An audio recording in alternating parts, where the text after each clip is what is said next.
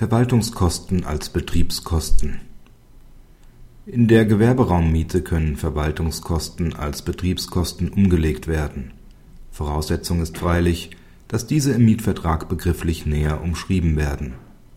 Im Mietvertrag über ein Gewerbeobjekt im OLG-Bezirk Rostock werden als umlegbare Betriebskosten auch Verwaltungskosten erwähnt, eine nähere Aufschlüsselung derselben findet sich nicht als der Mieter sich weigert, eine Betriebskostenabrechnung auszugleichen, klagt der Vermieter die ausstehenden Gelder ein.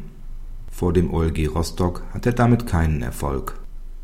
Zwar ist es grundsätzlich möglich, im Gewerberaummietrecht die Übernahme der Verwaltungskosten als Betriebskosten zu vereinbaren, da es an einer gesetzlichen Definition hierfür mangelt und der Begriff auch nicht ohne weiteres mit Hilfe der für das Wohnraummietrecht geltenden Betriebskostenverordnung insbesondere § 1 Absatz 2 Nr. 1 Betriebskostenverordnung bestimmt werden kann, müssen die Vertragsparteien sich auf den Inhalt der mit dieser Position abzugeltenden Beträge einigen.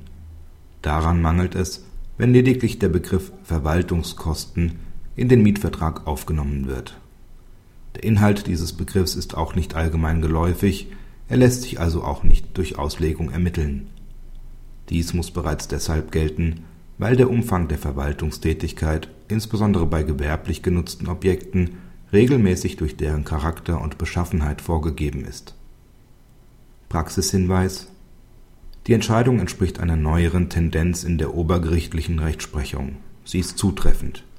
Der Vermieter ist daher gut beraten, wenn er den Inhalt des Begriffs Verwaltungskosten durch eine konkrete Vereinbarung mit dem Mieter ausfüllt Zudem sollte der Senat konnte dies offen lassen im Hinblick auf neuere Meinungen auch eine kostenmäßige Höhenbegrenzung der Position vereinbart werden.